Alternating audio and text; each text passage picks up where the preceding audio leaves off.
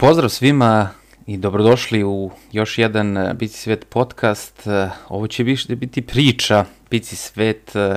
moja, pošto je povod za ovo 10 godina Bici sveta, to je 15. februar, a 15. februar je datum kada sam 2011. pustio zvanično pustio prvu vest uh, o Albertu Contadoru koji je oslobođen uh, optužbi za doping jer uh, tada su ga jurili za taj klembuterol i za sve ono što je bilo pa je mogao te godine da se takmiči. Ali bih um, krenuo kako je sve počelo kako je biti svet e, nastao, kako se transformisao iz jedne ideje u nešto sasvim drugo i kako je tokom ovih deset godina došao do ove, do ove forme u kojoj smo sada, to je ova podcast, e, podcast e, priča koju, koju ću vam sad ispričati na, na ovim nekim novim sada medijima i sa ovim nekim novim mogućnostima. Kao što znate, dugo godina sam bio komentator na Eurosportu 11, čini mi se da je sve ukupno bilo 2006. 7. Pre toga smo radili reportaže na RTS-u koje je Đorđe Mirčić kupovao da bi svoj, svoj brand promovisao, pa smo Ognjen i ja tu radili te polusatne reportaže uveče i kad je došao Eurosport u Srbiju, uh, jednostavno smo samo prebacili tamo i nastavili sa biciklizmom kog tim godinama nije bilo nije bilo toliko kao kao sada što možemo da pratimo na, na sve strane. Tada su Grand Tour trke bile možda i klasici u, u žiži. Uh, interesovanje i Eurosporta i to je bilo to. I onda malo po malo iz godine u godinu e, išlo je sve više trka i mi smo sve više e, komentarisali, ljudi su to sve više pratili i na, na krilima tog oduševljenja nekako, ja sam bio tad mlad, ponesete to i atmosfera ta i, misliš da svi gledaju, da svi prate, da, da cela Srbija samo gleda Tour de France, kad je takav utisak ti stičeš zato što si u tom balonu i vrlo je lako upasti u tu zamku, nije to, uh, nisam ja jedini koji je u to upao u, u takvu zamku. I onda, iz, i, ali to je sad kad pogledamo odavde posle 10 godina, bici sveta, uh, to je bilo sasvim super zato što te ta atmosfera ponela da poletiš više nego što nego što su tu realne mogućnosti svega i, i, i to je ono o čemu bi sad hteo, isto i da pričamo o toj nekoj motivaciji koja tu naleti i onda nešto se stvori iz svega toga i, i, i cijela ta atmosfera mene ponela, ja sam prvo hteo da pravim profesionalni tim i to je krenulo, hteli smo, svašte tu bilo raznih kontakata, a, išao sam u razne firme, tu, na, tu se dosta nauče, jednostavno tu sam naučio da to što sam ja gledao na televiziji, da taj biznis model i marketing model koji je u svetu što se tiče biciklizma, da jednostavno to kod nas ne radi, ne pije vodu. I tu je isto bila priča, ako ste pratili podcast sa Markom Sudarićem, mi smo pričali da je ta 2010. bila početna i njemu i da smo tada htjeli da imamo Bici svet i S-Team Sombor saradnju, ali da sam se ja bukvalno tada uplašio, jer kako je to on ozbiljno postavio, ja nisam baš to tako zamislio da 24 sata živim celu tu priču i to možete tamo poslušati u tom podcastu, nadam se da ste to već ispratili kad ste, kad ste se ovde sada uključili u ovu priču. I to je bila ta 2010. i kad je tu sad splasla moja ideja oko svega toga, ja sam uh, krenuo da se bavim nekim drugim idejama. Jednostavno sam htio da ponudim više biciklizma uh, na tom našem tržištu tada. Jednostavno to, to je, nije postojalo praktično ništa, nešto što bi uh, ništa nije imalo kod nas medijski da se bavi biciklizmom, osim tog Eurosporta na kom smo mi pričali, ali nešto pored toga jednostavno nije, uh, nije bilo. I onda sam ja, uh, kup, pošto sam tada i kupovao časopis uh, Pro Cycling, uh, koji je glavni praktično za, za biciklizam svetu, onako meni je bio super tada, ja sam to naručivo i kupovao, zato što su tu bile super priče koje nigde nije moglo da se pročita na internetu, jednostavno oni su to tako postavili, tako su čuvali te super priče i intervjue i tu sam brusio negde i engleski jer su bile jako uh, jako zahtevan je taj engleski bio, baš onaj knjiški što se kaže, te prave neke izrazi, fraze, rečenice, sklopovi rečenice, sve to bilo jako komplikovano. Ja sam to kupovao, naručivo sam na trafici u Novom Sadu kod pozorišta na trafici kod, kod Miće e, e, i tako sam ja zvao tu devojku. E, I stizao je jedan primjerak samo za mene, ko što je nešto, mnogo je, ne mogu sad da se setim, ali baš, baš puno bio za to, za to vreme. Mislim, ni sad nije on jeftini uh, kod nas kad se kupuje, skoro, košta skoro duplo, čini mi se, od ono koliko je inače njegova cena u Evropi, jer jednostavno nije bilo tržište. Ja sam krenuo da se nosim mišlju da bi ja mogao da izdajem taj časopis i da to, uh, da, eto, zašto ne, da se ponudi ljudima uh, ovde taj sadržaj, kad sam ja već to čitao i svaka priča tu koju sam ja uh, pročitao, kad god sam je ispričao u, u programu, tra, trudio sam se da tra, nađem pravi trenutak, da, da se ispriča ta neka priča iz toga kad su ti vozači i, i akteri, E, tih priča iz tog Pro Cycling časopisa u kadru, na televiziji, ja sam se trudio da, da to ispričam i to je zaista naišlo na, na, na dobar odziv e, publike. Jednostavno smo počinjali polako i mi da saznamo više, da zagrebamo više e, šta se to nalazi iza tih vozača koji se tamo nalaze, koje gledamo na televiziji. I nošen tom idejom, ja sam krenuo da čačkam i da kopam, da vidim šta je to, kako je to i otkrio sam da to izdaje Futura, neka e, izdavačka kuća iz Engleske, iz uh, Bata, Bath, tako kako se već kaže taj grad, to je kao kupanje, Bath, uh, Batah se piše, jer tamo su neke rimske terme i po tome ceo, grad opije ime i onda sam našao da je tu e, ta kuća Futura i da oni izdaju da oni izdaju e, taj časopis. Nisam ni znao tada da oni su vlasnici svih mogućih tu raznih ovih biciklističkih platformi i,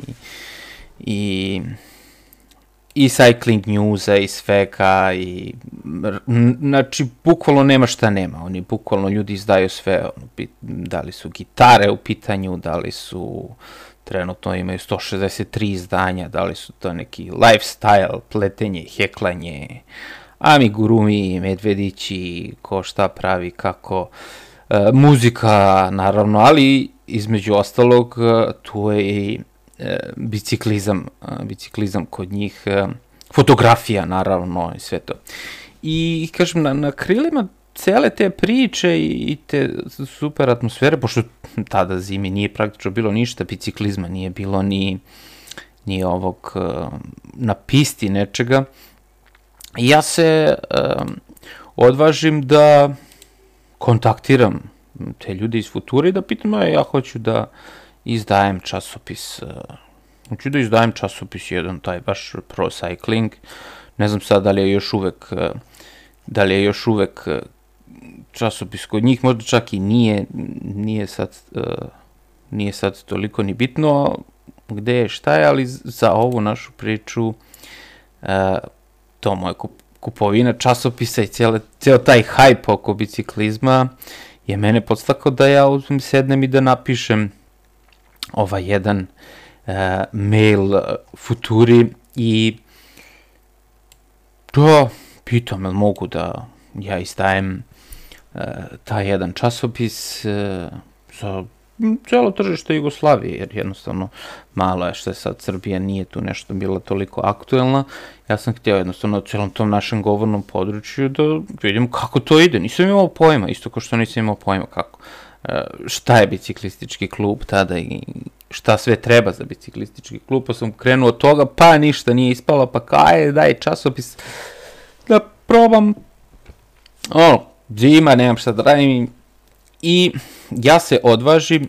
i napišem jedan mail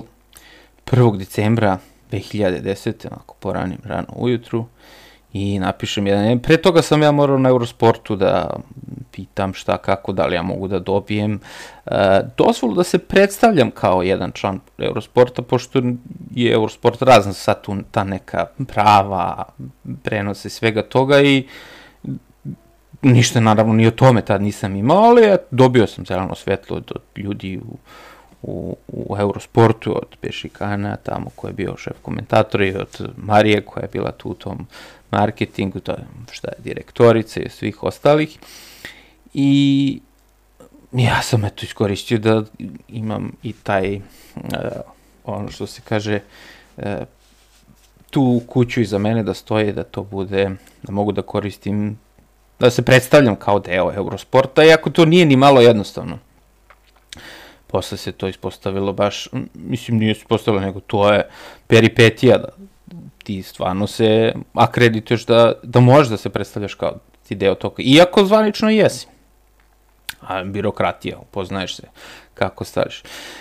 I ja se odvažim i napišem jedan mail, kaj kaže ovako, dear sir, madam, kako to već ide, I'm interested in distribute, distribution and publishing your cycling magazine, Pro Cycling, in Serbia, translated on our language. Is that kind of cooperation possible? E sad, on, sincerely, George Pejković, cycling komentator, Serbian version of Eurosport, Takovska, tamo 23-25, već smo se tada bili prebacili u u nove prostorije, pošto je bilo tamo na tašu u nekoj kućici. I, pff, pazi, nikakva očekivanja nemaš. Nikakva. Znači, jednostavno, probaš, pa, pa šta bude. A, pošaljem na ovaj njihov mail, recruit, futura, net, uh, našao sam tamo šta je to sad bilo, pro cycling, kako već, šta. I prođe Ništa, ono, bukvalno jednostavno krenuo si. I prođe par dana i meni se vraća mail na srpskom jeziku. Verovali ili ne, ja u šoku. Znači, iz engleske, iz Batha, ti se vraća mail na tvom jeziku. Znači, za dva dana, u roku od dva dana, pre toga si tražio posao, šlao neke tamo arhitekturi, slao CV-eve, diplomirao si, niko ti se nikad nije javio, ni da, ni ne. I ovo za dva dana stiže mail. Kaže ovako, zdravo Đorđe, ja se zovem Regina i radim u Future gde se bavim licenciranjem naših časopisa. Razumem da ste pitali da li je pro cycling još slobodan za srpski teren. Kako vi vidite to tržište u Srbiji? Da li ima puno biciklista i prodavnice za taj sport? Pošto radite u Eurosportu, sigurno već imate dobre veze sa potencijalnim oglašivačima. E, Futura ima Pro Cycling u Holandiji, Nemačkoj i Norveškoj. U ozbiljnim uh, diskusijama smo sa Italijom i Španijom. Ja ću vam danas poslati razne primere i naš katalog, pa možemo da onda počnemo diskusiju. Srdačan pozdrav, Regina Erak. Ljudi moji, u kakvom sam ja šoku bio tad, vi ne možete ni da zamislite. Znači, to je decembar 2010. ti šalješ uh, ti šalješ u jednu veliku publishing kuću koja izdaje milion nekih časopisa. Tako, ono, znači, ono, name it, they got it, što kažu englezi, kao što kod da imenuješ, oni to imaju i pritom samo jedan deo toga koji ti poznaješ, je Cycling News gde si gledao, je ogromna mreža svega mogućeg, ono, od vesti, rezultata, priča, ovakvih, onakvih, znači, gde su ove ostale, ono, znaš, ja se sećam tada da sam bio ono kao, ja, ono, što od smeha, kao, vidi, časopis o heklanju, ono, znaš, mislim, tek posle kad shvatiš da nije biciklizam jedina stvar na svetu, da se ljudi bave i, i drugim nekim a evo ga, Pro Cycling. E, I drugim ovim stvarima, ipak je tu kod njih e, Pro Cycling časopis, evo ga, e, na njihovoj listi. I ti šalješ tamo njima i vraća ti se mail na engleskom jeziku. Na, da šalješ na engleski, vraća ti se mail na srpskom. Kao, wow, čoveče, ono kao, je li ovo realno, znaš, kao, izbad. I dalje u, u, u kasnijoj toj uh, ovoj diskusiji vezano za taj, uh, za taj uh, za taj časopis, ona mi je odmah poslala, istog trenutka mi je poslala uh, brdo kataloga. To kad je stiglo, to je bila puna kutija, debela,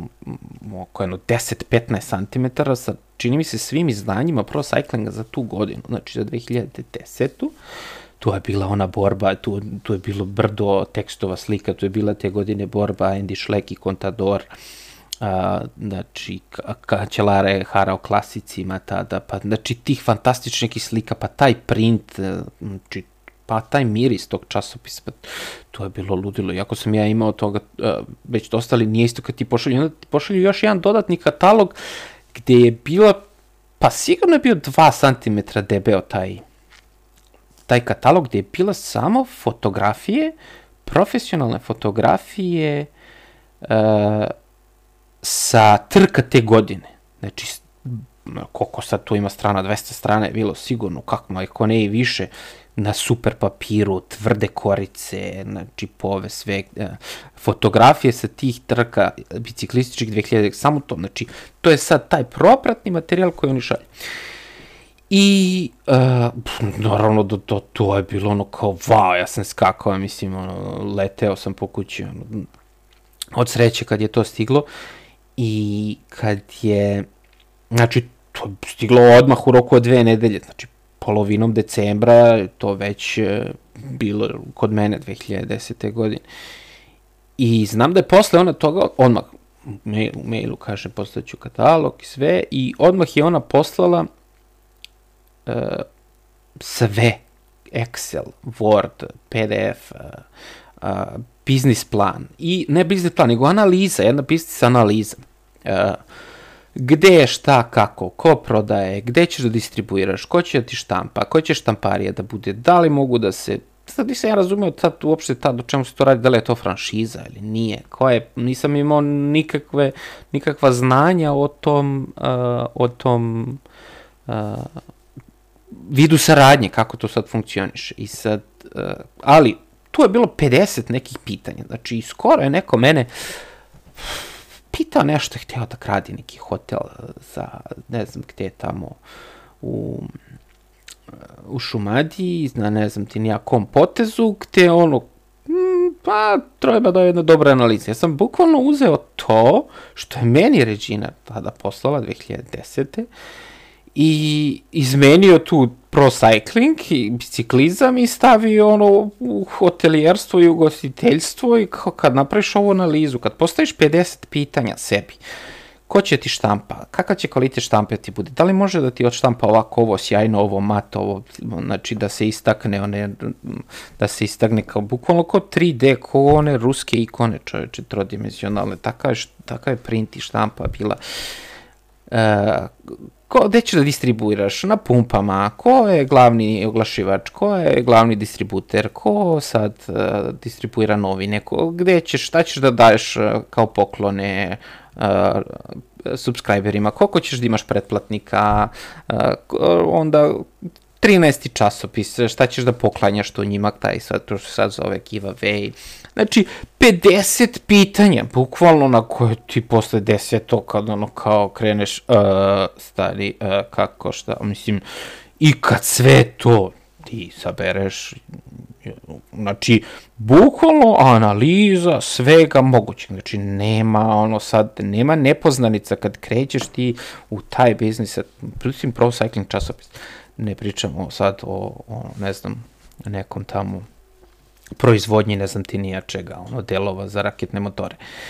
Ali analiza neverovatna. I sad ti kad pročitaš sve to, i naravno ja sam se bacio tu i u, u istraživanje, nisam ja sad to je pročitao pa kao je seo da plačem i, uh, i kao u ovo je teško. Ne, ja sam krenuo, što sam u štamparije tu negde sad dole, gde sam mogu se setim neku štampariju u Novom Sadu, Marka Miljanova, pa sam nosio taj časopis da pokažem šta, kako, oni su ljudi rekli, e, mislim, može, sve može, ali dečko, to košta, pa či Boga oca znaš, da mi to sve sad te, uh, to pripremimo da štampamo, znaš, koji će tiraž da bude na kraju, koliko se to isplati, se ne isplati. Onda sam išao kod ovo moje tu pitao kako ide to što se tiče prodavanja novina, gde sam shvatio da tu je par ljudi drži ozbiljan monopol što se tiče tih časopisa, izdavanja toga, da to nije ni malo jednostavno, da ti praktično nemaš tvoja zarada od svega toga je ono, ne znam, ono, mizerno 10% ako dobiješ od cele te priče i zarade koju da bi ti oni gurali, prodavali tvoj časopis, to je, mislim, lupam sa 10%, ne znam, ali nešto prosto nemoguća misija, jednostavno u tom trenutku, 2010. u Srbiji, znači u tom trenutku, ne smemo zaboraviti, nije, nisu ni društvene mreže, ni sve ovo nije bilo tako razvijeno, tak je bio ovaj, Facebook, šta je možda bilo Twitter je tek krenuo, bio u povoju i sve to. I, i to sve kad ti pročitaš i e, staviš na papir, ja se mesec dana bavio time i ja pre novu godinu dođem do zaključka, draga Ređina, napiše mail, izdavanje Pro Cycling časopisa u Srbiji je mnogo teže nego što sam to zamišljao,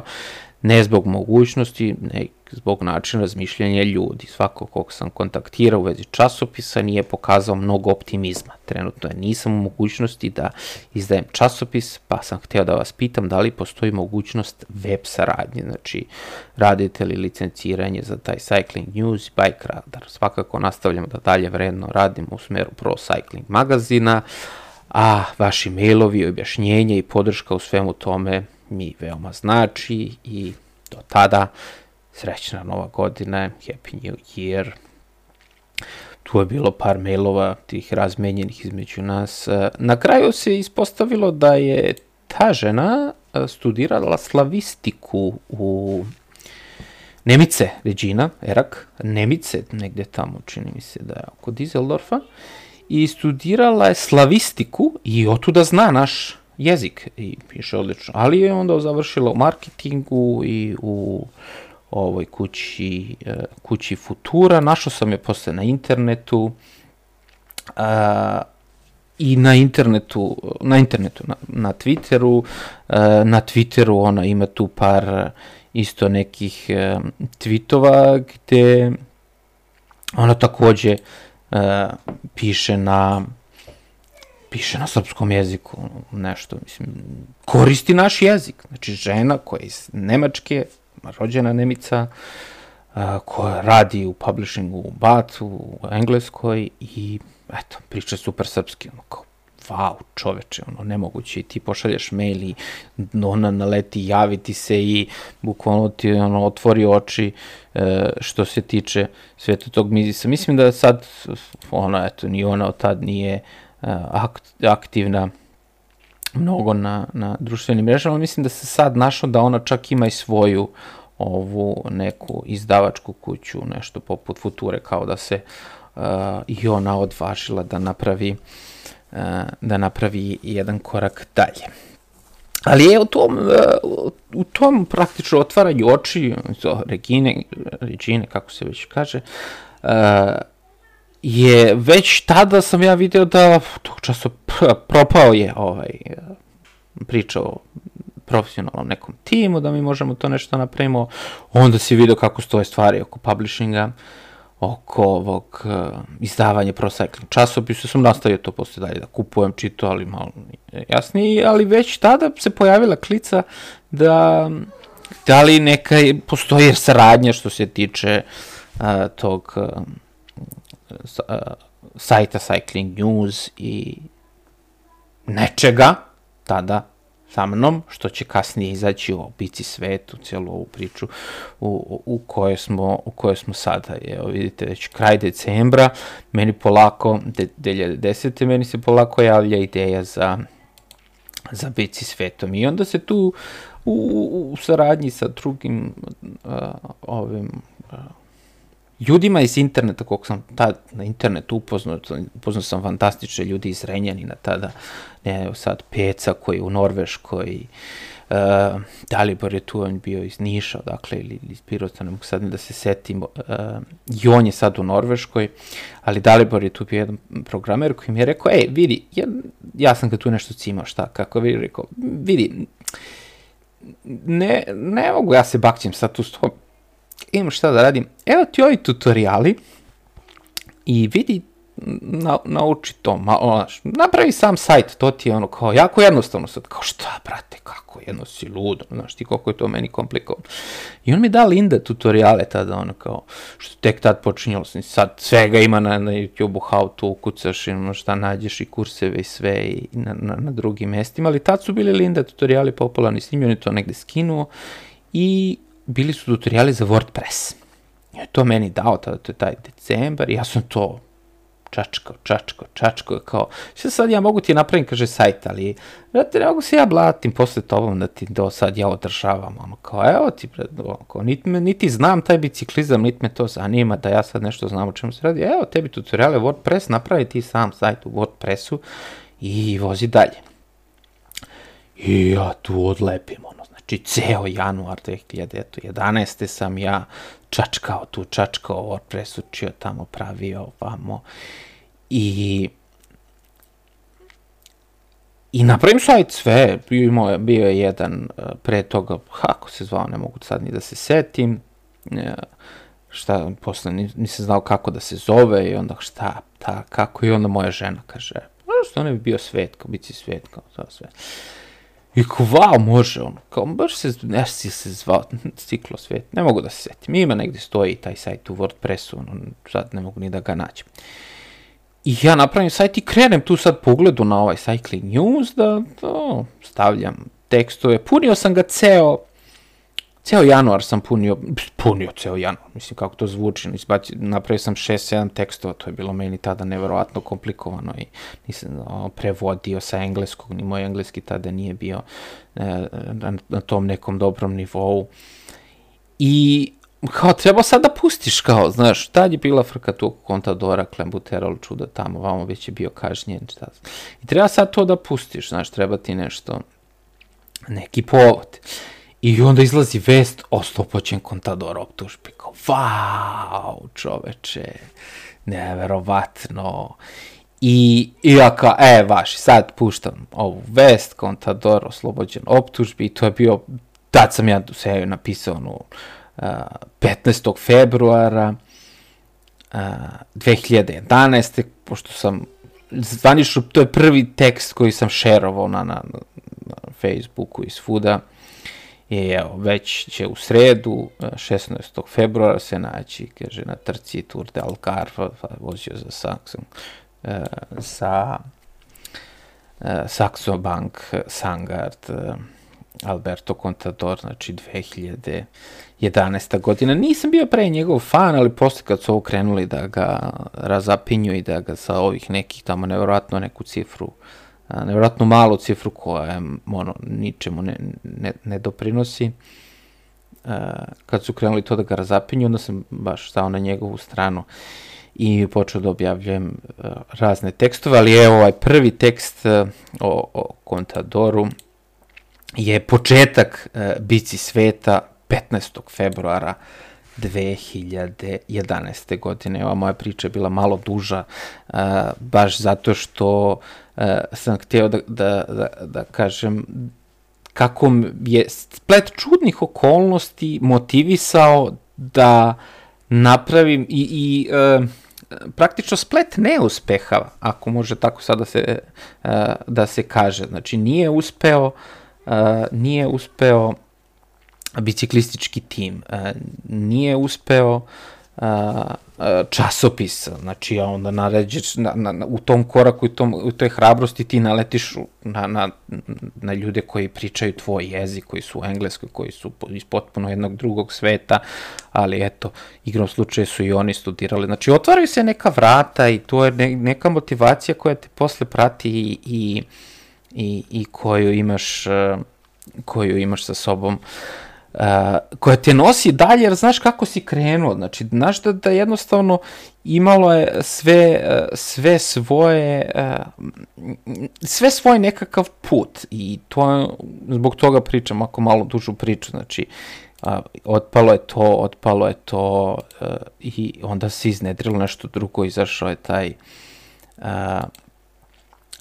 taj bici svet sajt. I ta 2011. godina je bila, što se mene tiče, on, ako, što se te moje produktivnosti tiče sumanuta. Ja sam izbacivao po tri teksta dnevno. Znači,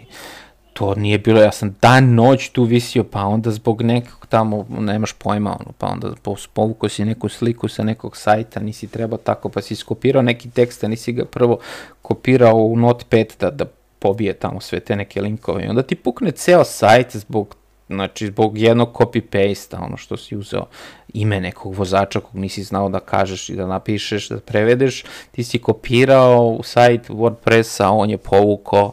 uh,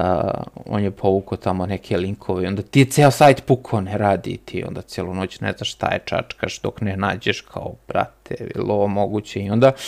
tu naučiš na teži način, posle mnogo neprospavanih noći, da sve što kopiraš sa interneta, prvo ideš u onaj notepad, da tu pobije sve te linkove i sve to što nosi sa interneta, da bi ti ostao čist tekst, eto jedan. I iz ove moje priče, jedan savet za sve one koji nešto tu čačkaju, čeprkaju, kopiraju sa interneta, da kad budu trebali da iskoriste u svom tekstu, da znaju, bez obzira da li je to njihov eh, materni jezik ili nije, ili sa nekog drugog jezika,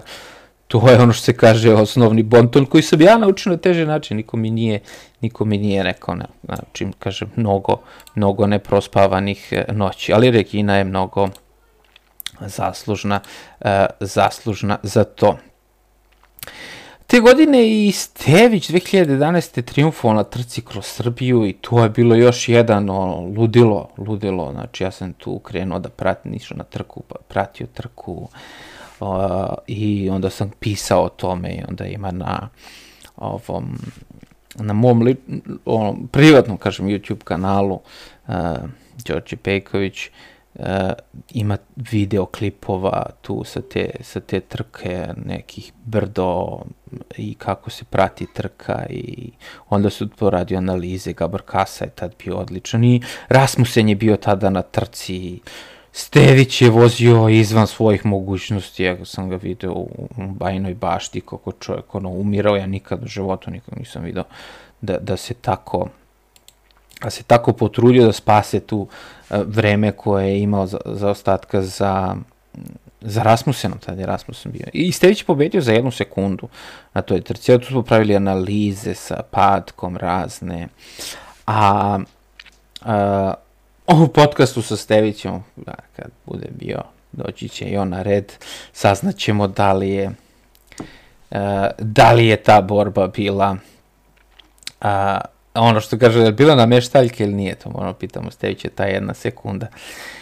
Ali 2011. E, stvarno bila, bila fantastična i tu su bili, tu je ta došli, dolazi Tom Meusen, on je bio odličan ciklokros, uh,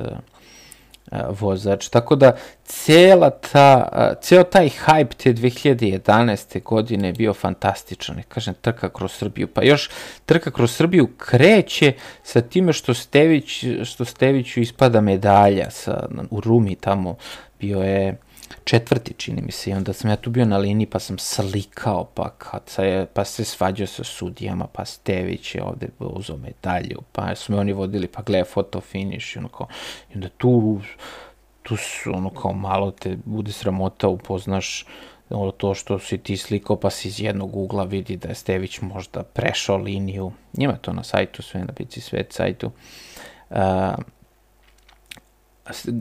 tekst je Stević oštećen na prvoj etapi, ono, foto, video, ono, clickbait, čoveče, neverovatno. I onda se ti tu upoznaš malo i sa drugom stranom tog biciklizma, sa sudijama, koja, koja alo, dečko, ođe vamo da vidiš kamera, foto, finiš, ono, sa druge strane, točak taj jedan, drugi, gazi liniju, ono, mislim, ne gazi liniju, ako izgleda da Stević gazi liniju, ali taj njegov točak tamo sa druge strane je ono milimetar pre Stevićevog, ti onda tu poznaš da taj fotofiniš, ono, kao stvarno nema zezanja, ono, te, ti ljudi koji tamo stoje iza imaju mnogo bolji pregled nego ono što su, su si ti video tvoje oko, sve druge kamere koje su tu možda uhvatile, pa se tebi izgleda, ono, da tebi izgleda da tu Stević uzao medalju, ali ipak nije. Tako da, ta 2011. sumanuto ono bila produkcija što se tiče Bici svet, Laz, drugar moj. E, I tu ima i video na mom YouTube kanalu kako pravimo, kako se prati trka kroz Srbiju, pa analize, pa intervjue sa Furlanom, pa sa Rasmusenom, pa Gabor Kasaj, Kasaj tad pobedio na Palama, čini mi se gore, šta je bilo, pa je tu razne tehnikalije, pa onda posle toga dolazi državno prvenstvo, posle trke kroz Srbiju. Mislim, o, satiranje od posla, ali takav jedan hype te nosi da je to, da je to sjajno. I kruna svega toga je svetsko prvenstvo koje sam ja tad bio rezervisao napred da, da pratim na, na a, da idem da gledam u Kopenhagenu i onda odeš tamo uveče i, i tu je Cavendish triumfovao tamo. I onda odeš, i malo sam kasnije, prvi dan smo stigli kad je baš bio hronometar i stižem tačno kad kancelara daje intervjue, ono, tu uhvatim intervju sa kancelarom, ono, kako je on pričao tu, šta je bilo, znaš, sve.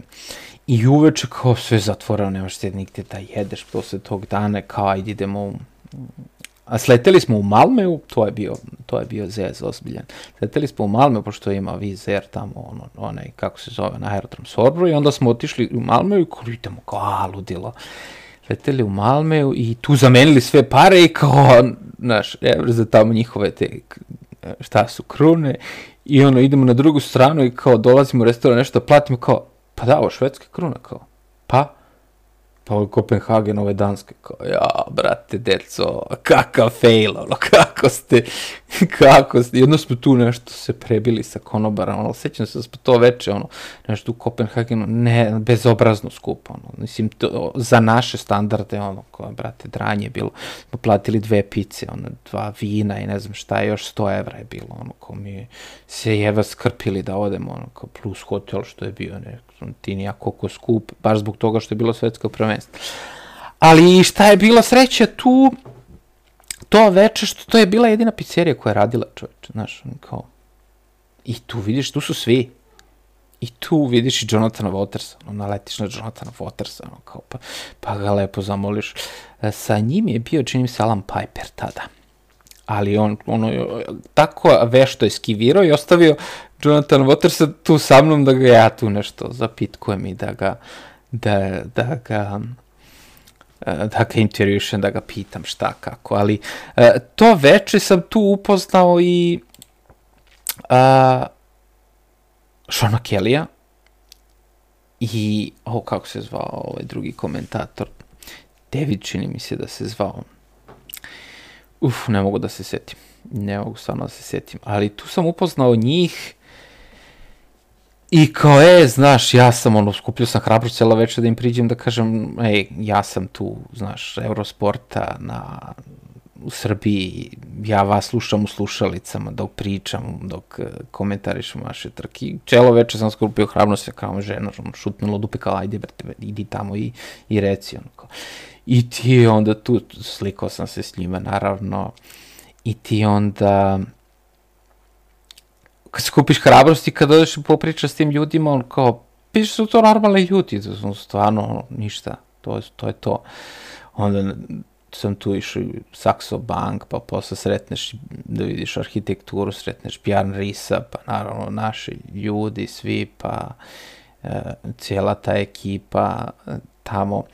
Ali to veče u toj pizzeriji, kažem, sretneš Ron Kelly-a, sretneš, e, ovo ne mogu da setim kako se zove, komentator drugi, eto, nesprendan sam.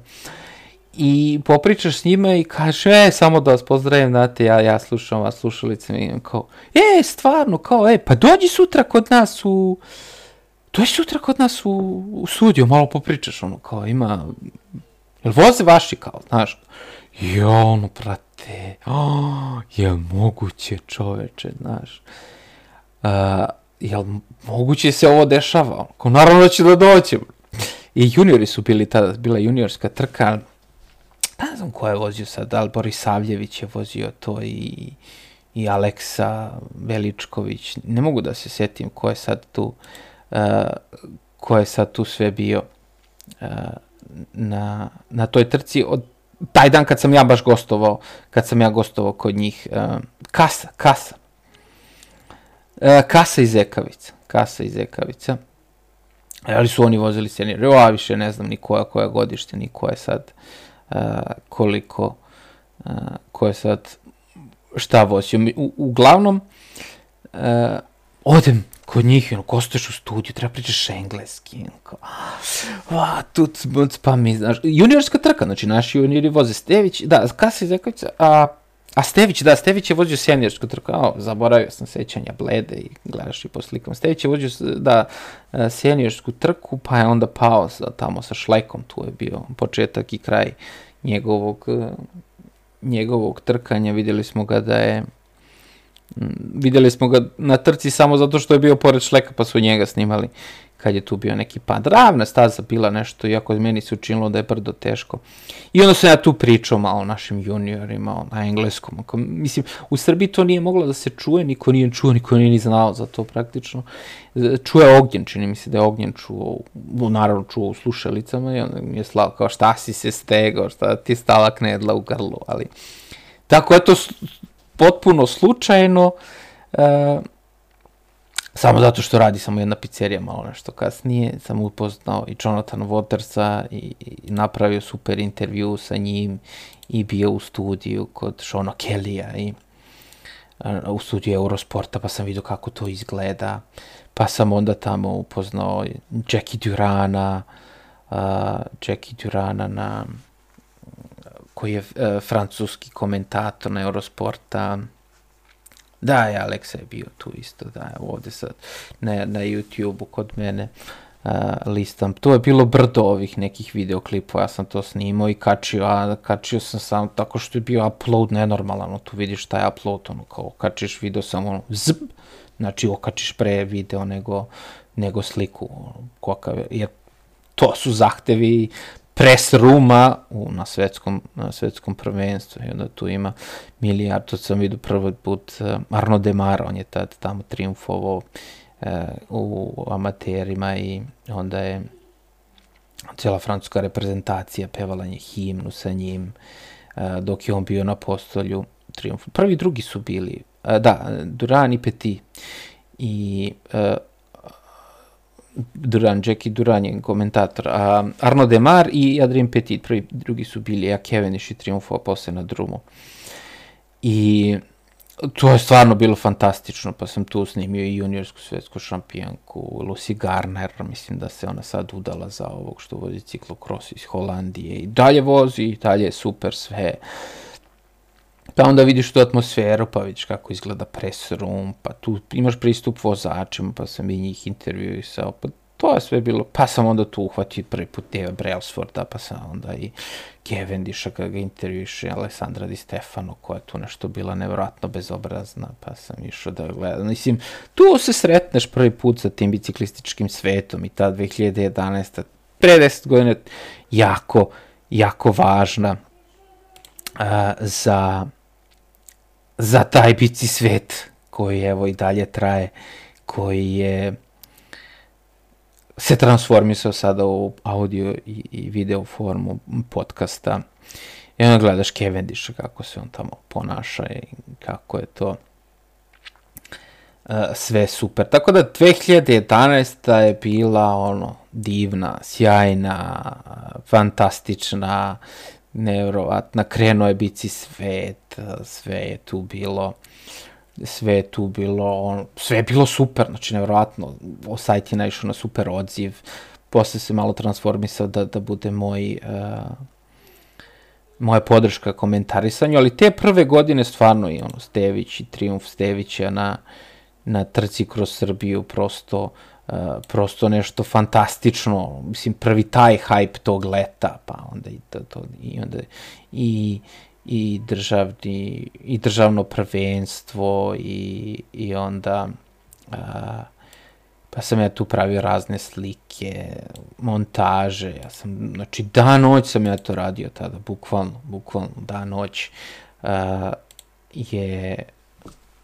to meni vreme oduzimalo ta 2011. 2011. godina, ali bila je stvarno sjajna, sjajna, fantastična, kažem, prvo Stević trci kroz Srbiju sekundu, ono čoveč, pa još, mislim da to u Partizanovom dresu bio pošle, po sledeću trku kad je triumfo bio je u, čini se oko Tusan, u Tusan timu, ne mogu više nija da se setim. Ali bilo je sjajno i kao kruna svega, ono, odeš kao u studio Eurosporta, ideš pa vidiš, na liniji, bukvalno onim kućicama na liniji gledaš, ono, mislim, i onda sam obilazio i stazu i sve. I posle toga opet zima, opet aj šta ćemo sad, ono kao hype neki drugi, ono malko, joj, znaš, tamo. I onda dolazi prvi rođendan, kao 2012. je bio prvi rođendan bici sveta, to smo proslavili kod Borisa u, u recyklingu. Uh, moja supruga je ta tamo radila dan, noć, pa nije mogla da napravi tortu, nije radila u nekom projektnom birovu, nešto su imali a, ogroma neki projekat, a, projekat za Rusiju koji će nas kasnije i, i odvesti u Rusiju par godina kasnije i onda smo naručili tortu tamo negdje u nekoj radnji, ne mogu sad da se setim, bila je super tortica a, u obliku srca, pa pisalo bicisve.com, pa je tu bila nacrtana bicikla, su ljudi super to napravili čokolade, pa neka, ta neka roza fondan traka okolo. I, I onda smo to, kao šta da jedeš sam, čovječ, naručili tortu i onda smo išli jeli kod Borisa u radnji tamo na iza one vojnoj zgradi i ima slika torte na, na ovoj njegovoj metalnoj onoj ploči gde sad on tamo radi, razvaljuje ove ove Fox viljuške popravlja nama sad i vama sve sve tamo što treba i to je ta prva godina i e, prvi rođendan bici sveta te 2012. Ali, ali ta 2012. isto bila onog interesantna, dosta sam putovao za e, više trka, bilo te uh, godine putovao sam za Beograd više, dosta više nego prethodnih godina za, pošto sam živio u Novom Sadu, uh, više trka je bilo. Naravno tu pamtimo trku Giro se najviše pamtite 2012. Triumf Hesedala i Uh, o tom džiru smo sad pričali, Gazvoda, Gregor Gazvoda i ja u prethodnom podcastu, ne znam sad koji je tu broj, 64 valjda možete da poslušate kako je bilo, kako se nije se znalo do poslednjeg dana, to se to negde se pamti iz uh, iz te uh, 2000, 2012. godine, tako da ima priča i o tome malo opširnije sa Gazvodom, neki podcast. I posle toga, 2013, dugo sam se zadržao na početku, zato što je to bilo, mislim i dan danas mi je uh, onako u lepom sećanju A posle toga, u 2013. 2012. Uh, tih godina mi se nek mama razbolela i onda 2013. sam celo proleće praktično proveo kući, mama je bila bolesna jako i zajedno to, to će mi ostati u sećanju. Sam sa klasike odgledao, klasike praktično ognjen sam radio jer sam ja bio kući april mesec i uh, I onda sam bio kući i na kraju aprila uh, mama mi je umrla i, onda sam došao za ponovo. Život se okrenuo potpuno je uh, jedino što je tad moglo da, da, da to osjećanje da tu tugu koju tad imaš jednu si mogo da, da transformišeš u neki rad a to je bilo odmah po, to posle prenosio Giro tako da je ta godina onako malo ti klasici, sećam se da sam, eh, da smo zajedno sa, sa, sa, sa majkom gledao Kančelaru, koji je na, to je bio legendaran na njegov rube, da smo zajedno gledali da on, znaš, jednog trenutka je tu sa tobom, drugog trenutka već vidiš da, da, da nije, da, da je odsutna, ali onog trenutka kad je tu, ona se interesuje i pita za Kančelaru, tako da mi je i, i, s te strane ta, ta godina klasika. Kančelare i, i ta, ta priča ostala u, u tom nekom, u tim nekim jako pomešanim, pomešanim osjećanjima i onda se vratio isto, radio sumanuto to 2013. Giro, pa su posle bile trke, to leto sam radio Big Shot bajkove, kad je Comtrade kupio Big Shot bajkove, pa su me zvali onda je Vesa Jevrosimović me zvao tamo da, da idem kod njega, jer su ne pravi tu neku analizu koliko to što treba da košta, kako to treba da se da se prodaje, onda su rekli kao, pa mi smo to već kupili, kao, a, ti to da, pro, da prodaješ, kao, ali, ali ljudi ne, znaš, ajde, ajde, vidjet ćemo mi iskustva, sve to, to nije moglo da ide tako po toj ceni, jer su oni to posmatrali kao, kao, kao komponente za računar, da je moglo da bude taj odnos nabavne i prodajne cene i to je prosto bilo prosto bilo nemoguće. Ja sam poučen iskustvom ovog Pro Cycling časopisa pre, pre koliko dve, tri godine toga imao dobru, znao sam šta treba da analiziram, znaš gde, šta, kako, ali oni su praktično utrli put tim fix gear bajkovima za kasnije za ove druge, za ove druge proizvođače, jer se malo tu podigao taj, kako se kaže, awareness, ta svest o tim, o tom nekom drugom, o tom nekom drugom biciklizmu. Tako da je 2013. godina a, 2013. godina tako malo protekla i onda tek na kraju godine kad opet ta dođe zima i kad prođe taj hajp oko biciklizma i oko svega toga, tek onda te pukne ono sve kad ostaneš sam, kad nemaš više toliko obaza, tek onda te pukne ona tuga i ono sve što se dogodilo te godine i, i, i da, da, da si ostao bez roditelja i da to više sad nema smisla i da radiš bici svet i šta će ti to, na šta nemaš više snage, energije, ništa. Posle onog tri teksta dnevno spao si da ono kao šta će mi taj sajt, ovo meni uopšte više ne treba, ono gasi ovo. Ma hajde beži, daj, ono ne znam. I, i pokušavaš negde da nađeš smisao života i, i svega toga I onda kao malo zapostaviš, mislim, ne sećam se više sad tog perioda, ali znam da je bio onako jako, jako tužan i depresivan. I onda u to, to je neko, po nekom pokušavanju da, da, da, neki, da, da, da se pokupiš sa sobom, da svoj život pokupiš ponovo kad ti ti umro. Ja sam jedinac, umla ti je, mama ti je umrla, smrt roditelja je uvek traumatično iskustvo, koliko god godina roditelj da ima, koliko god godina ti da imaš, bilo da si ne znam, 10, 20, 30, 50 roditelj je roditelj, tako da u, u tom nekom traženju smisla smo se mi onda i okrenuli i pokupili se i otišli za Rusiju 2014. godine na konto tog projekta koje je supruga radila i tamo smo bili Jaroslav, grad, 300 e, km severno od Moskve i onda tamo ideš, u aprilu smo otišli, kad su klasici, 1. aprila treba pratiš klasike, onda ti tamo nemaš ni internet neki, hvataš sa nekim USB internet. Znam da sam, sećam se da sam uh, Paris Rube, kad je Niki Terpstra uh, triumfovao to, zato, zašto se to jako dobro sećam, to sam pričao sad u podcastu sa uh, Markom Džalom, koji je iz tima Ineos, kada mi je pričao o tom podcast, o, o, o toj uh, trci Paris Rubea za Bradley Wigginsa uh, i zašto ja to pamtim i, i, i izvadiš iz rukava kad je neko to pomene E, kako Džalo nam priča kako on nije slušao, Džalo nam priča kako se Wiggins ponašao na toj trci i posle te trke. I sećaš, sećam se toga zato što znam da sam taj, e, taj pari rube gledao u autu, na laptopu, onom istom laptopu malom koji je i dalje tu kod mene u podrumu na kom se sad gledaju ove, e, na kom se sad gleda video neki dok eh, vozim trenažer, na tom malom laptopu sam ja jurio signal po, po trgu, na trgu Jaroslavju da, da hvatam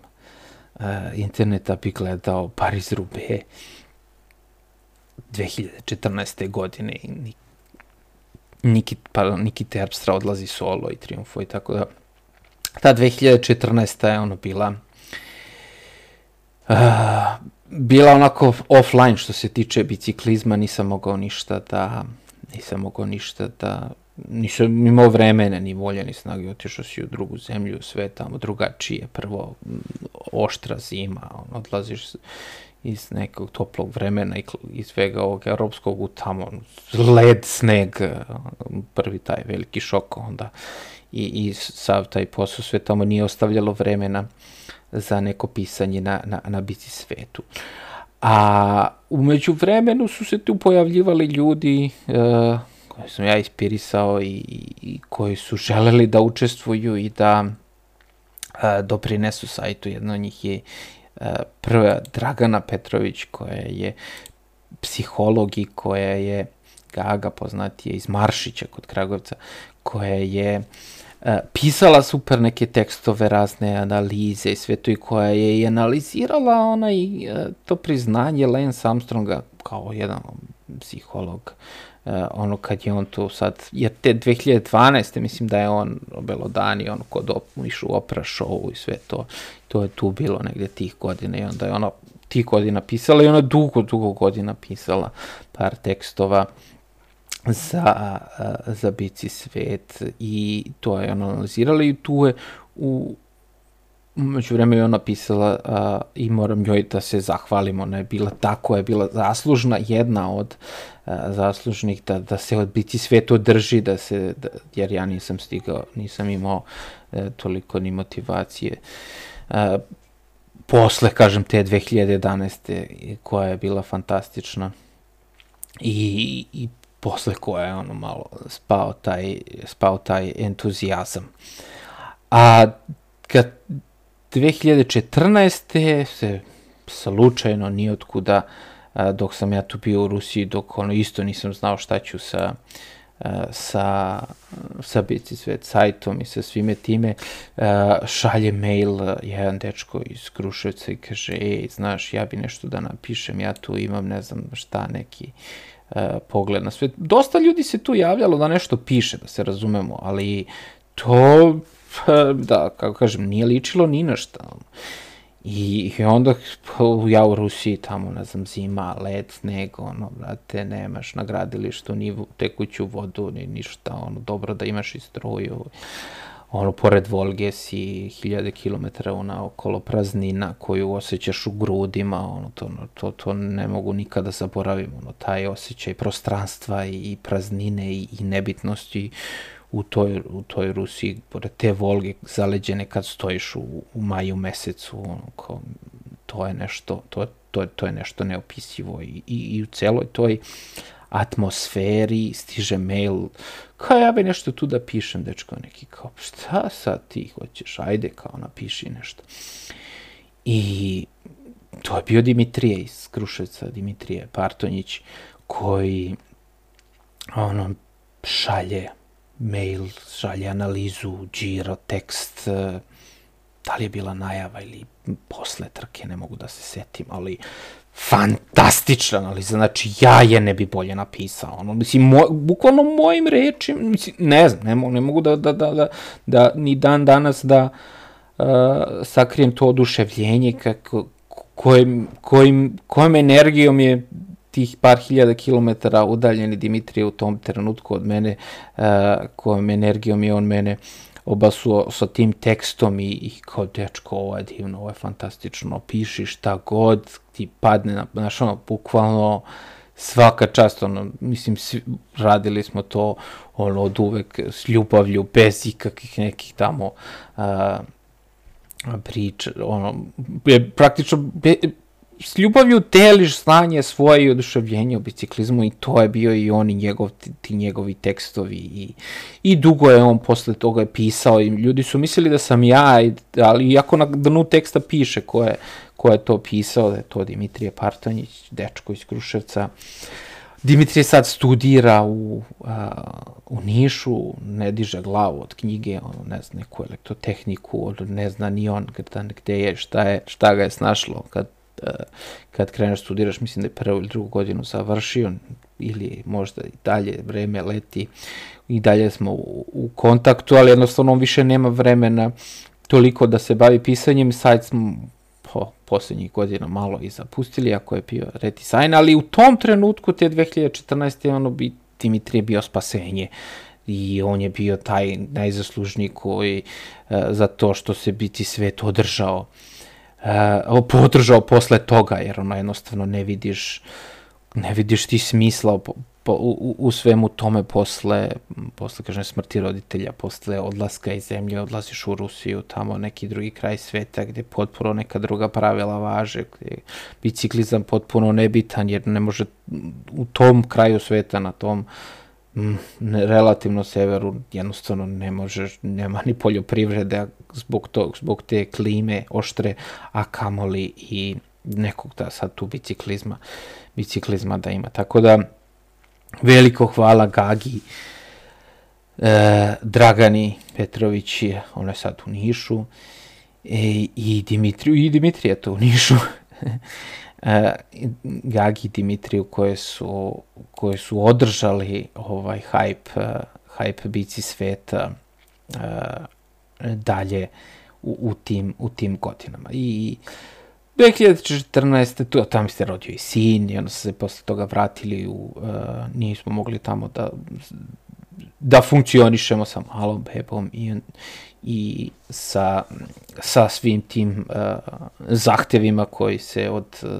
arhitekata na gradilištu očekuju i mala beba, to jednostavno ne funkcioniše. Onda smo se vratili u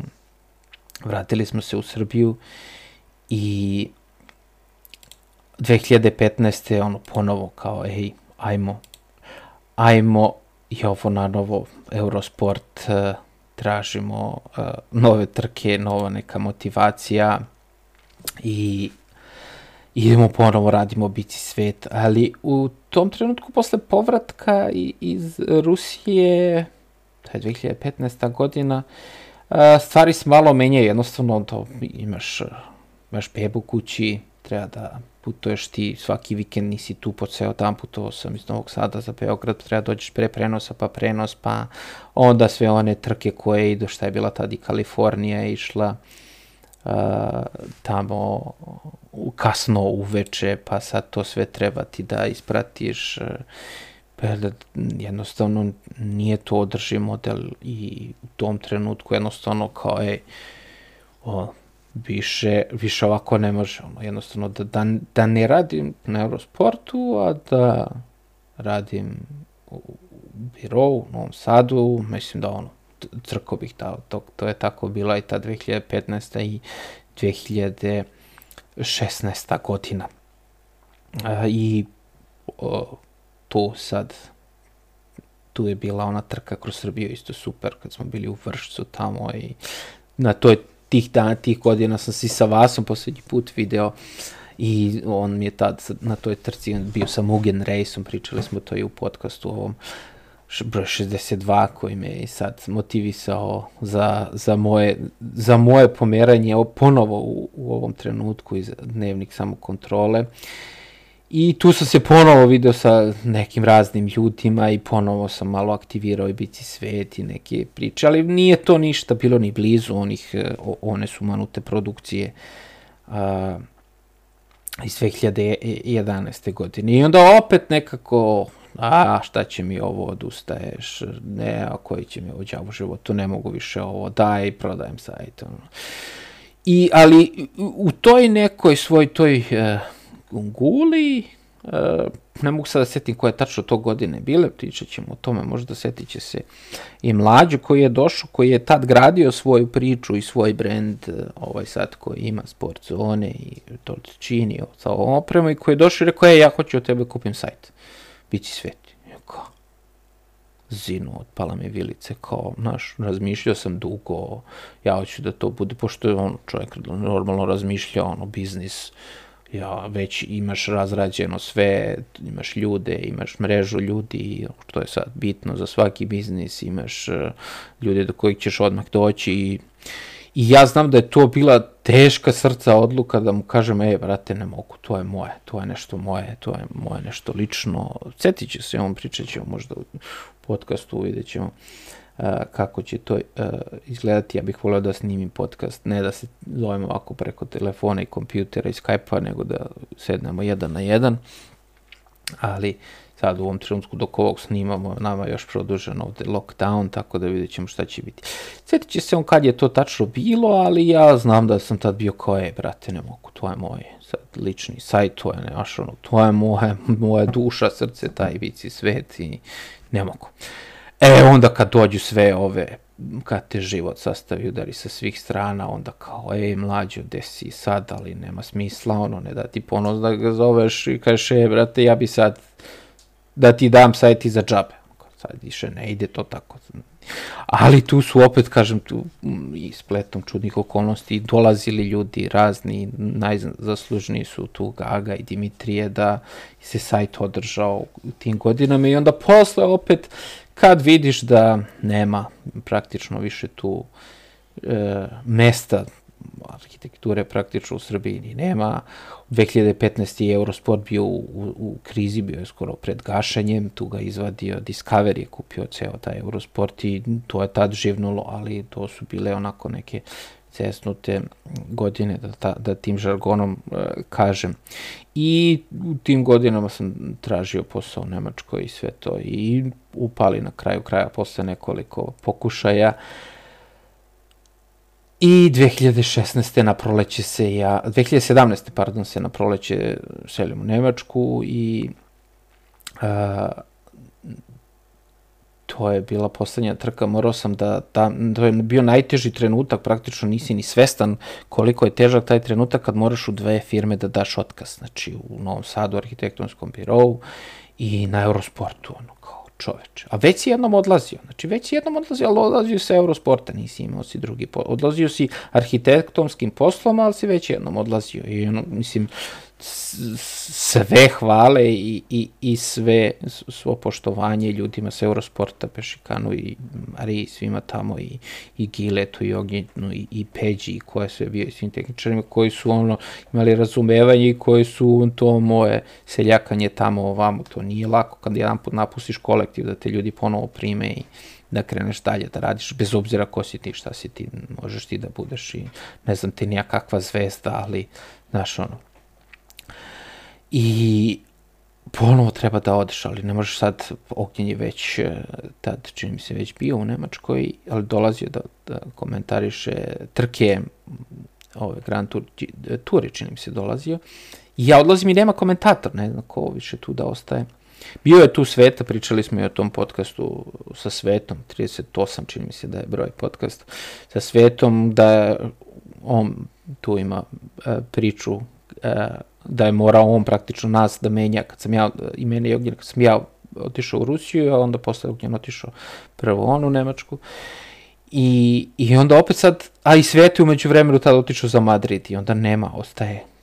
Eurosport bez komentatora i sad ti osjećaš neku odgovornost, a nije sad odlaziš i ti sad treba da nađeš nekog da, da te zameni. I igrom slučaja tad je Radomir Pavlović Patak bio tu na raspolaganju i Uh, moj jedini žal, praktično žal, kako da kažem, uh, što me malo i grize save, što nisam uspeo da, da duže vremena sa njim provedem u studiju, da mu pokažem kako smo mi to radili, jer mnogo je lakše kad ti neko pokaže, ja sam ga bacio jedan dan, dva u studiju, radili smo Gent Wevelgem 2017. poslednja trka koju sam ja komentarisao na Eurosportu, Gent Wevelgem 2017. I onda Mind Games, eh, Sagana i Terpstre kad su se nešto tu oni nečkali i, i kad su ostali pozadi i to je bila, čini se, poslednja trka koju sam ja tu komentarisao na Eurosportu i otišao u Nemačku. I 2017. isto nisam pratio biciklizam, nisam imao vremena, sastavite nova zemlja, novi, uh, sve novo, novi hleb, što kažu, i vazduh, uh, novi jezik, novi programi, sve, sve, sve novo. Ali sam išao, zahvaljujući Jeleni koji ste a, slušali u podcastu broj 40 a, koja je tu u Berlinu već duže godina u Sole Star firmi. Zahvaljujući njoj sam a, dobio poziv da se sa njihovom firmom i da gledamo Tour de France u Düsseldorfu je bio tada start a, ovaj, trke Tour de France-a i onda smo tu gledali, pratili sve to, navijali, super bilo. I onda kao, e, sad, taman ću sad da kad se vratim, sredim utiske sa trke, da ponovo malo živim na bici sveta, napišem tekst ja o, o tome kako je bilo u Dizeldorfu, kako smo se super proveli, kako je ne znam šta sve bilo. Uh, i uh, da da ispričam da isprišem na, na, na ovom uh, na, na bici svet sajtu da ispišem kako je to bilo. I ono kao, sumiraš utiske, kao, va, ludilo, bio si tamo, gledao si tur prvi put, pre toga si davno bio na, na svetskom prvenstvu i, i tamo kao ono kao, e, sedaš za tastaturu i da kreneš da pišeš i kao, samo da gledam u obi tapu i onda bude onaj karambol kad izbace Sagana, a je lupio u njega, pa, a, pa izbace Sagana sa te trke, sa tog tura, tur, 2017. ono kao ti poludiš, ono kao, znaš, who cares kako si se ti proveo, koga briga, brate, izbacili su Sagana, ono, ja sam po, poludeo tada, ono kao, i onda je to bilo na sve strane, si objašnjavao ovima na poslu tvojem, pa šta se desilo, pa ništa to njima nije jasno, ne znaju oni šta je biciklizam i šta se tu u stvari uopšte desilo, ono što im objasniš, da se Cavendish tu odbio od Sagana, brate, kao od, od, od, od lopta od zida, ono. I nije, i Tarne se ostao praktično ovaj, ostalo nedorečeno i ne, ne, ne na Bici Svet sajtu ta je naša avantura uh, Jelenina i moja u, uh, u Dizeldorfu. Nismo, ni, nismo je ni ispričali u podcastu kad smo pričali letos, prošlog leta u tom podcastu, 40 čini mi se da je bio sa Jelenom, kad smo pričali o, njenom pri, o njenu priču, o njenom putovanju i, i, i o tim proizvodima koje oni prave. Uh, I, I tu u tom trenutku, ono, znaš, ono, ludiš, vileniš, ti bi da kažeš, odmah bi da napišeš nešto, sad pišeš po Twitteru, sad, ali to nije dovoljno, znaš, ono, više nisi ti, izgubio si identitet, bio si na Eurosportu, bio si na, sad je odjednom te nema, ljudi te zaboravljaju, jednostavno e, nisi ti, nisi više otišao si, već si jedan put otišao i znaš kako je da ti, iako si u mislima tu i sa tim ljudima i u kontaktu i čuješ se sa njima, jednostavno ti propuštaš fizički neke trenutke u njihovim životima, nisi tu kad se oni žene, udaju, uh, slave rođendane, dobijaju decu, uh, nisi fizički, nisi tu, jednostavno i tu, to ti se onako, onakako počinješ od svemu tome da razmišljaš, jednostavno ti bi nešto da kažeš, ali više pff, nemaš vremena ni, ni, ni volje da sad nešto tu pišeš po tom, tom Bici Svet sajtu i, ili da se nešto ti sad tu uh, šta, kako, re, kako da se iskažeš sada kad si ti bio taj uh, deo sve te biciklističke priče uživo i tu magiju live prenosa ne može ništa da zameni, jednostavno to ne, to je nešto neopisivo, jednostavno ti se osjećaš kao deo toga iako si hiljada kilometara daleko i ipak si ti u tom trenutku kad se to dešava ti nešto pričaš o tome. I sad bi ti nešto da kažeš, ali ono, pe, bio si tamo, vidio si taj Tour de France, nešto bi da napišeš, nešto bi da kažeš, Sagana su izbacili, ti bi o tome isto nešto, da, ali kao nemaš ni vremena, ni volje, ni život je odmah na drugu stranu i jednostavno 2017. i 18. su praktično pro, ono, skroz, skroz ono, muk na, na bici svetu, nije praktično ništa ni bilo. Ja sam tu na Twitteru pisao, možda na Facebook stranici, bici svet je tu bilo šta je bilo uh, nekih uh, pisanja i pričanja. I ja sam tu objavljivao, ali to nije dovoljno. Evo, sad već koliko priča, preko sat vremena, imaš šta, imaš šta da kažeš, hoćeš šta da kažeš, ali jednostavno ja mislim da ni tada, te godine, nije ni bio podcast neka, uh, neka forma koja je koja je bila popularna u, da kažem u tom u tom krugu u kome sam ja a,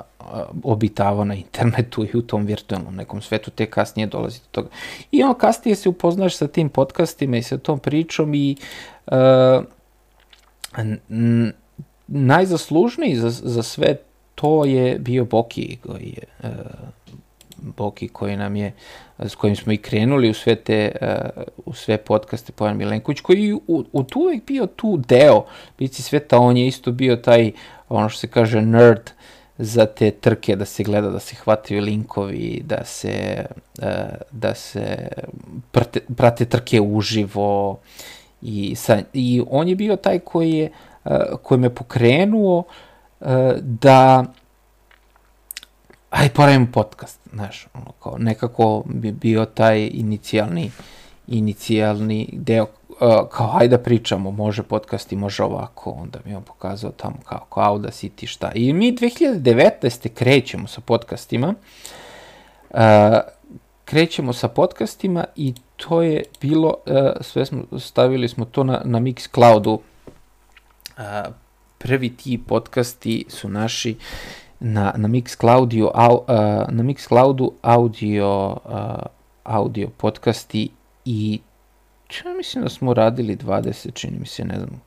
ko je to, uh, koliko smo te godine, 2019. Uh, uradili i krenuli smo, naravno su prvi podcasti bili, ono, kao nismo mogli da se sastavimo tu koliko je to sad uh, uh, tehnički, kako smo snimali, više ne mogu ni da se setim, ali ono, bili smo tu a, praktično nam je sve bilo nepoznato. Ovi podcast pre 139 dana je, a, je bio Bici svet podcast 01, pa onda smo pričali za Eka Erić, Strade Bianche, to je bilo, znači, početak dve, u, u u, u 2019. I 2019. godina uh, se završila onim, uh, onim turom, bukvalno uh, ne, nezavršenim turom. Ono, jednostavno je... Ja sam bio prazan. Znači, bukvalno sam ja bio prazan posle tog tura, ne znam kako je bilo ovim vozačima. Kad se nije praktično završila trka, nekako si besan zato što znaš da se nije završila. Jeste to tako bilo, ali se trka nije uh, E, zvanično se nije to, nije to završilo. Onda smo krenuli e, i onda tu bio opet opet pra, a, kraj, opet gubitak, e, opet gubitak motivacije. To je nama bio 20. 20. podcast i onda sam posle te godine, e, onda me Pavle tada zvao da gostujem na sport klubu kod njega, Uh, opet, kažem, gubitak motivacije, opet si u downu, Roglić vozio tu super ovu uh, Vueltu, ali baš te to briga i sve to. I, I onda me Pavle zvao na sport klubu, smo radili isto podcast e, što se tiče tog pregleda 2019 i to je bilo stvarno isto super.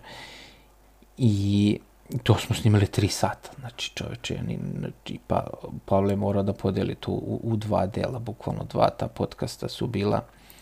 uh,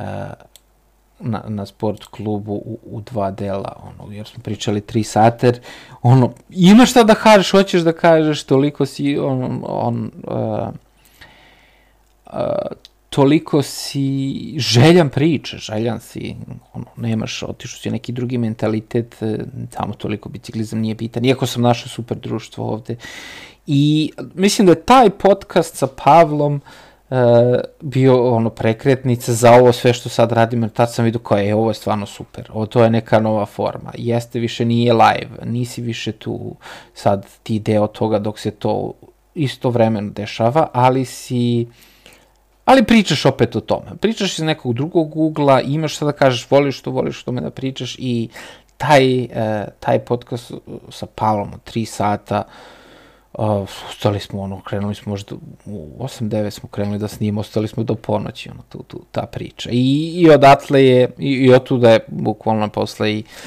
e, iz te priče skočio Pavle kod nas u podcast sada, koji je, e, koji je tu deo, e, deo ovog našeg e, ovog našeg trojica. A svetioničar je uvek tu, e, Predrag je uvek tu pratio to, uh, zdušno od, od samog starta taj biciklizam kad se uključio 2012. Tako da on toliko informacija više čini mi se ima uh,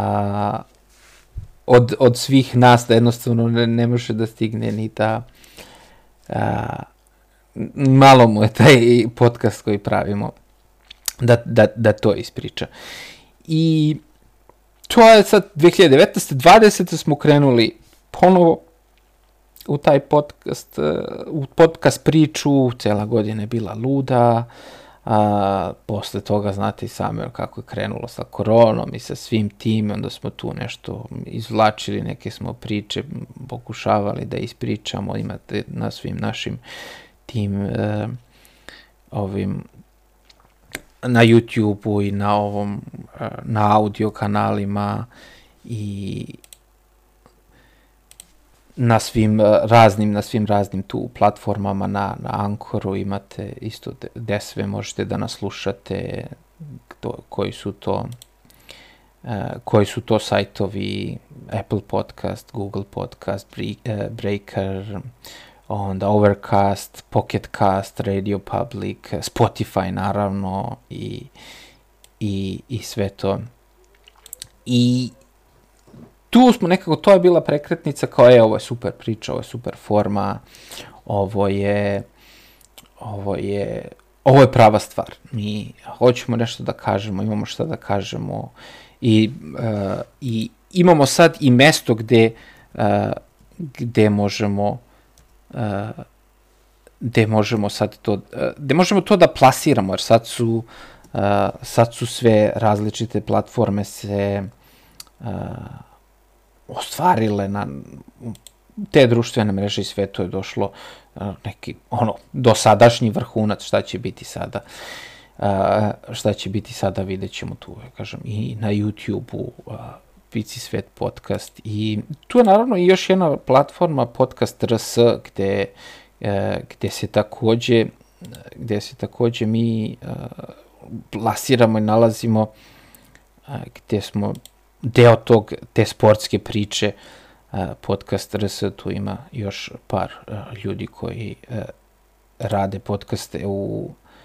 o drugim sportovima, naravno Srđan Erce koji je bio kolega na Eurosportu pa je posle prešao na, na, na sport klub i on, čini mi se da on već tu par nekih podcasta vodi što se tiče i motosporta i što se tiče NFL-a i, i svega ostalog, ali ovako, sad, tek sada, 2021. od 10 godina kasnije,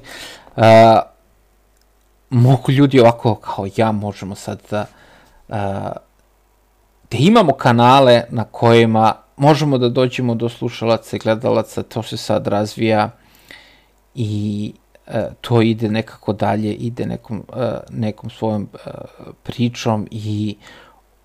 posle deset godina, evo ja sam sumirao da ovih koliko sati po priče,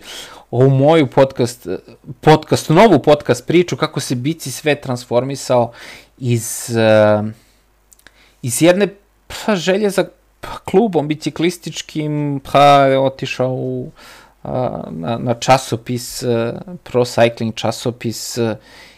pa je onda iz toga izašao sajt i onda sad iz tog sajta posle toliko godina i, i ovog mog, nekog životnog putovanja je otišao u ovaj podcast i zbog toga, baš zbog cele ove priče,